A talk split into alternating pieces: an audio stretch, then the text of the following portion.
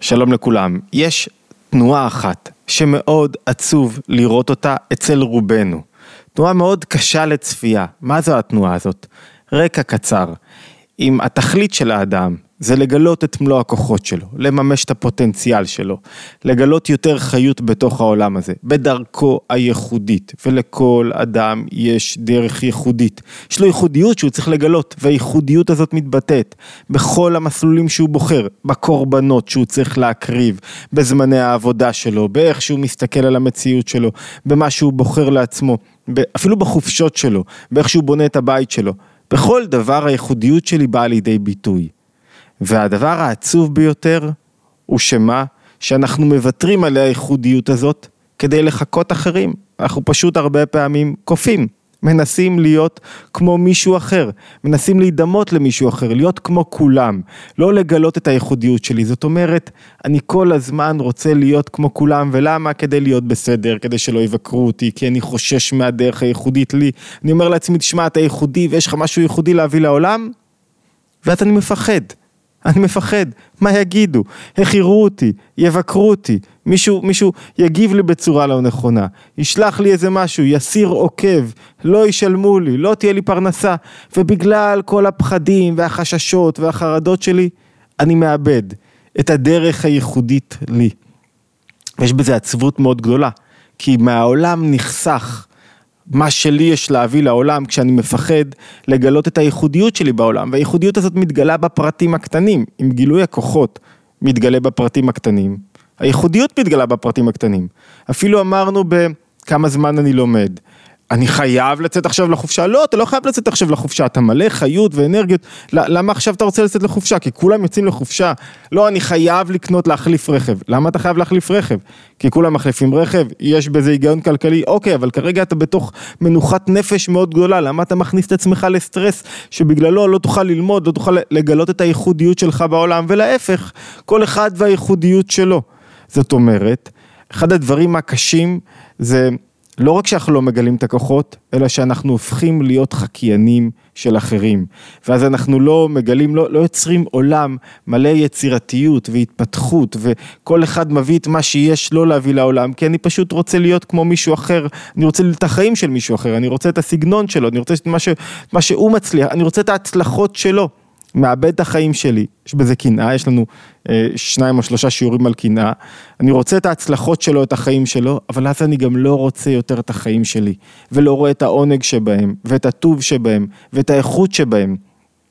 ואני רוצה לשתף אתכם במכתב מאוד מיוחד של הרבי הרייץ, רבי יוסף יצחק, הרבי השישי של חסידות חב"ד, שהוא כותב בשנת תרצ"ב, 1932, לתלמידי הישיבה, והוא מנסה ללמד את התלמידים שלו, איך להיות ייחודיים, ומה זה לא להיות ייחודי.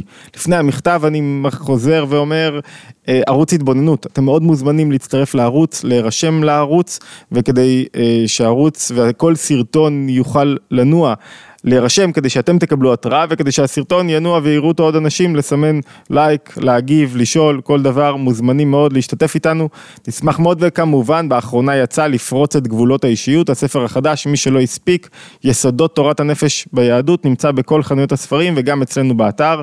אלו שתי ההודעות הקבועות שלנו שמאוד חשובות לערוץ, לי בכלל, תודה לכם שאתם שותפים, אם אתם נהנים מהתכנים, בטוח תהנו מהספר החדש. אוקיי.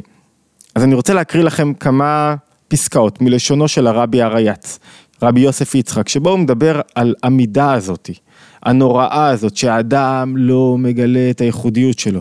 והוא אומר כך, תשמעו איזה לשון נוקשה. ורק דבר אחד ישנו בעולמנו. דרך אגב, המכתב מובא כהקדמה לקונטרס עץ החיים, קונטרס מהמם, אולי נלמד אותו בהזדמנות אה, של אביו של הרבי הרייץ, הוא נקרא הרבי הרש"ב, רבי שלום דובער, שבעצם הוא קונטרס שמתאר לתלמידי הישיבה את המעלת, את הייחודיות שלהם, איך הם מגלים את הייחודיות שלהם, דרך הלימוד שלהם, דרך החיים שלהם, איך כל אחד מאיתנו יכול לגלות את הייחודיות שלו בתוך החיים שלו. וכך הוא אומר, ורק דבר אחד ישנו בעולמנו, המבלה חס ושלום את הכל ומכלה את הכל, דבר אחד שהורס כל חלקה טובה, והיא מידת ההשתוות. מתנצל, אין לי יידיש בפי, אז אני לא יכול להגיד איך שהוא אומר את זה ביידיש, שכולם שווים. כולם שווים לא במובן הזכויות שלהם, ולא, יש עוד מובן של מידת ההשתוות. המובן הנוסף של מידת ההשתוות זה ש... ושיוויתי השם לנגדי תמיד, שבכל מה שאני רואה, האדם רואה, הכל בא לו בשורות טובות ושליליות באותה עוצמה. למה? כי בהכל יש בורא שמסתתר מאחורי הבריאה, ולכן יש לו תנועה של שוויון כלפי כל דבר. כשהוא מתרומם, כשהוא יורד, הוא לא מתפעל מהדברים. לא לכך הכוונה, והכוונה לא לשוויון זכויות טבעיות שיש לבני אדם, אלא שאני רוצה להיות כמו הזולת.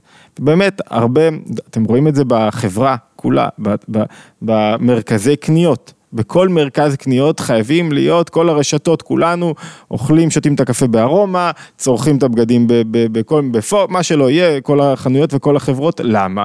כי זה חלק מהחדש שיוצרים לנו. אני לא אהיה מיוחד, לא בביגוד שלי, לא במחשבה שלי, הביגוד הוא רק תולדה חיצונית לכך שאני מיוחד. לא יודע, רוצה להיות עם כובע. תנו לי להיות מיוחד רגע במשהו, במשהו. לא רק להיות כמו כולם, החיצוניות היא רק ביטוי. הייחוד האמיתי הוא במעשים, בתנועה הפנימית שלי. והוא אומר, כולם צריכים להיות שווים, וזה דבר שמכלה את הכל, כי זה לוקח את הפוטנציאל של העולם ואת היופי של העולם. הדוגמה שלה, שלו, שאותו מכעיסה מאוד, הוא אומר, פעם, לפנים בישראל, הוא מנסה רגע לשרטט את הדמות של, אה, אולי איזה רקע היסטורי קצר שהוא מביא. בעבר, תלמידי הישיבות היו לומדים במהלך השבוע, במשך יום או יומיים בשבוע היו באים לבתי העשירים, לבעלי בתים, והיו אה, סועדים על שולחנם. והם היו אומרים כמה דברי תורה, כמה רעיונות, ככה מעשירים את השולחן, והבלבטים סביבם היו אה, אה, מתענגים על דברי תורה, ובתמורה מכינים להם סעודה. אבל זה לא היה סתם כך. כשהיה מגיע תלמיד ישיבה כזה, תלמיד חכם, מלא כרימון, הוא מתאר בלשונו, כל הבית, כל הבית השירים היה, זה היה העניין, זה היה הדבר החשוב ביותר, מגיע תוכן הביתה, תוכן, מי מדבר על משהו בכלל אחר? לפעמים בישראל היה הבדל והפרש בין הנהגתם, לבושם, אורחות חייהם של יושבי אוהל, התלמידים, אלה שלומדים, לבין ההנהגה, לבוש ואורחות חייהם של הבעלי עסקים. מה היה קורה? ככה אני מביא קצת מלשונו. בכלל, הרבי אריאץ, מי שמכיר, הוא, הוא היסטוריון נפלא של החיים החסידיים, הוא ממש מחיה אותם, את החיים החסידיים, ומתאר אותם ב, בלשון מאוד עשירה. תלמידי הישיבות היו שוקדים בתורה, בעבודה, במסירות, בחוכמה, בשאיפה, זו הייתה השאיפה שלהם, המטרה שלהם, זה היה המהות שלו, ללמוד. לעומת זאת, והאתגר שלו היה להשפיע מהאור שלו על הסביבה. בעלי עסקים, מה היו עושים? היו עושים כסף, חושבים מה קדימה, איך מתפרנסים, איך העניין.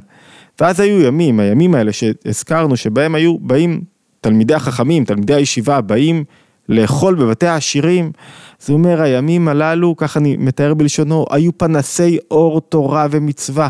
מאירי אור צח ובהיר, בשאיפה אל החוכמה והמדע, מעוררי לב הצעירים, להגביר הצורה על החומר. זאת אומרת, כשבן הישיבה היה בא, כולם היו מכינים את האוכל הטעים ביותר, כולם היו מתכווננים. היה פה עכשיו רגע פלאי, סליחה רגע. רגע פלאי של מה? של לימוד, של אה, התרוממות, של הגברת הצורה על החומר. והנה, מה קרה? מה קרה למידת ההשתוות? היו יושבים תלמידי חכמים ואומרים בואנה, הבית של העשירים הזה, הרי הם היו מביאים את התוכן, הם היו הנקודת האמת, היו יושבים בבית של העשירים.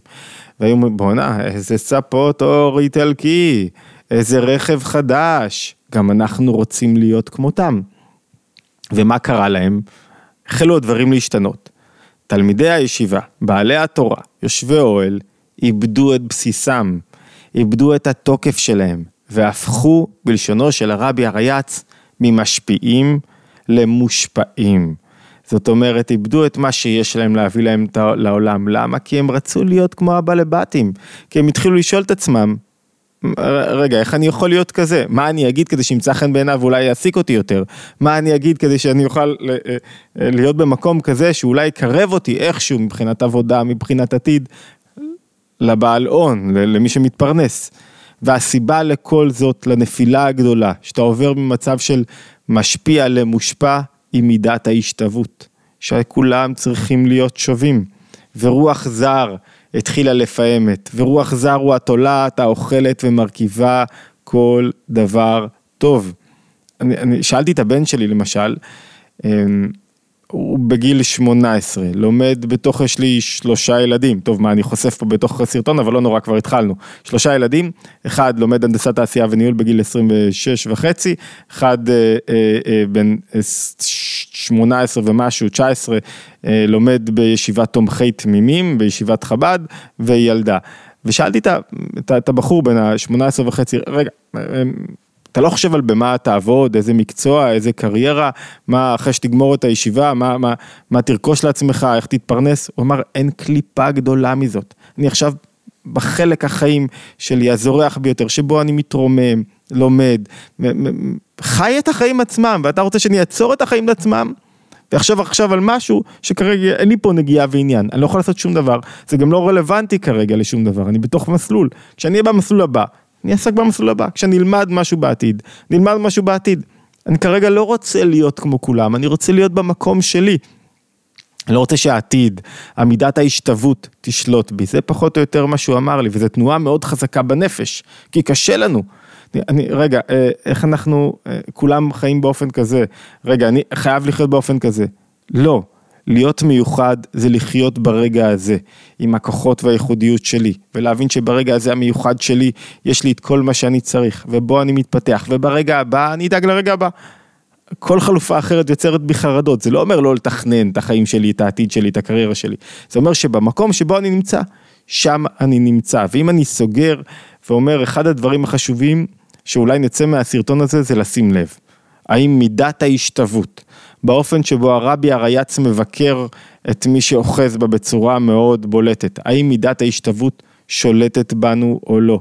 האם אני רוצה להיות כמו מישהו אחר באופן שבו הוא חי את החיים שלו, באיך שהזוגיות שלו נראית, באיך שהוא מגדל את הילדים שלו, או שאני רוצה לגלות את הייחודיות שלי, וזה אומר בהכרח להיות מסוגל ברגע הזה להקריב את הקורבנות שלי ולחיות ברגע הזה עד הסוף בלי המחשבה של איך אני אראה בעוד רגע ואיך אני אהיה בעוד רגע. כאן אני, עכשיו אני לומד, עכשיו אני מגלה, זה, זה דורש המון אומץ, המון אומץ ללכת נגד העולם, נגד מה שהעולם רוצה ממני, אבל אני אגלה לכם בסתר, בשקט, בסופו של דבר, כשאדם מגלה את האומץ, העולם מתקפל והולך אחריו, ומי שלא מתגלה את האומץ, הוא בסופו של דבר מובל, הוא באמת לא משפיע, הוא הופך להיות מושפע. למה הוא מושפע? כי הוא לא מגלה את הייחודיות שלו.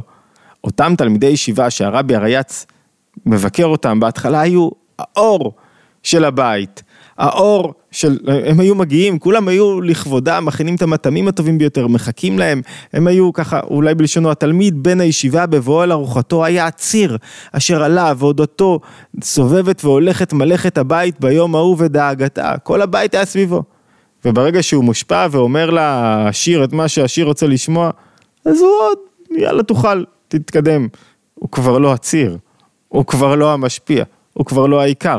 ולכן חשוב כל כך לגלות את הייחודיות שלנו, עבודה קשה שדורשת אומץ, אבל צריך להלך במסלול הזה. התבוננות יומית, מוזמנים להירשם לערוץ, בכל יום עולים סרטונים, וכמובן גם אפשר להצטרף לקבוצות הוואטסאפ, שם אנחנו מודיעים על פעילות, על לימוד משותף וכולי, להשתמע בהתבוננות היומית הבאה.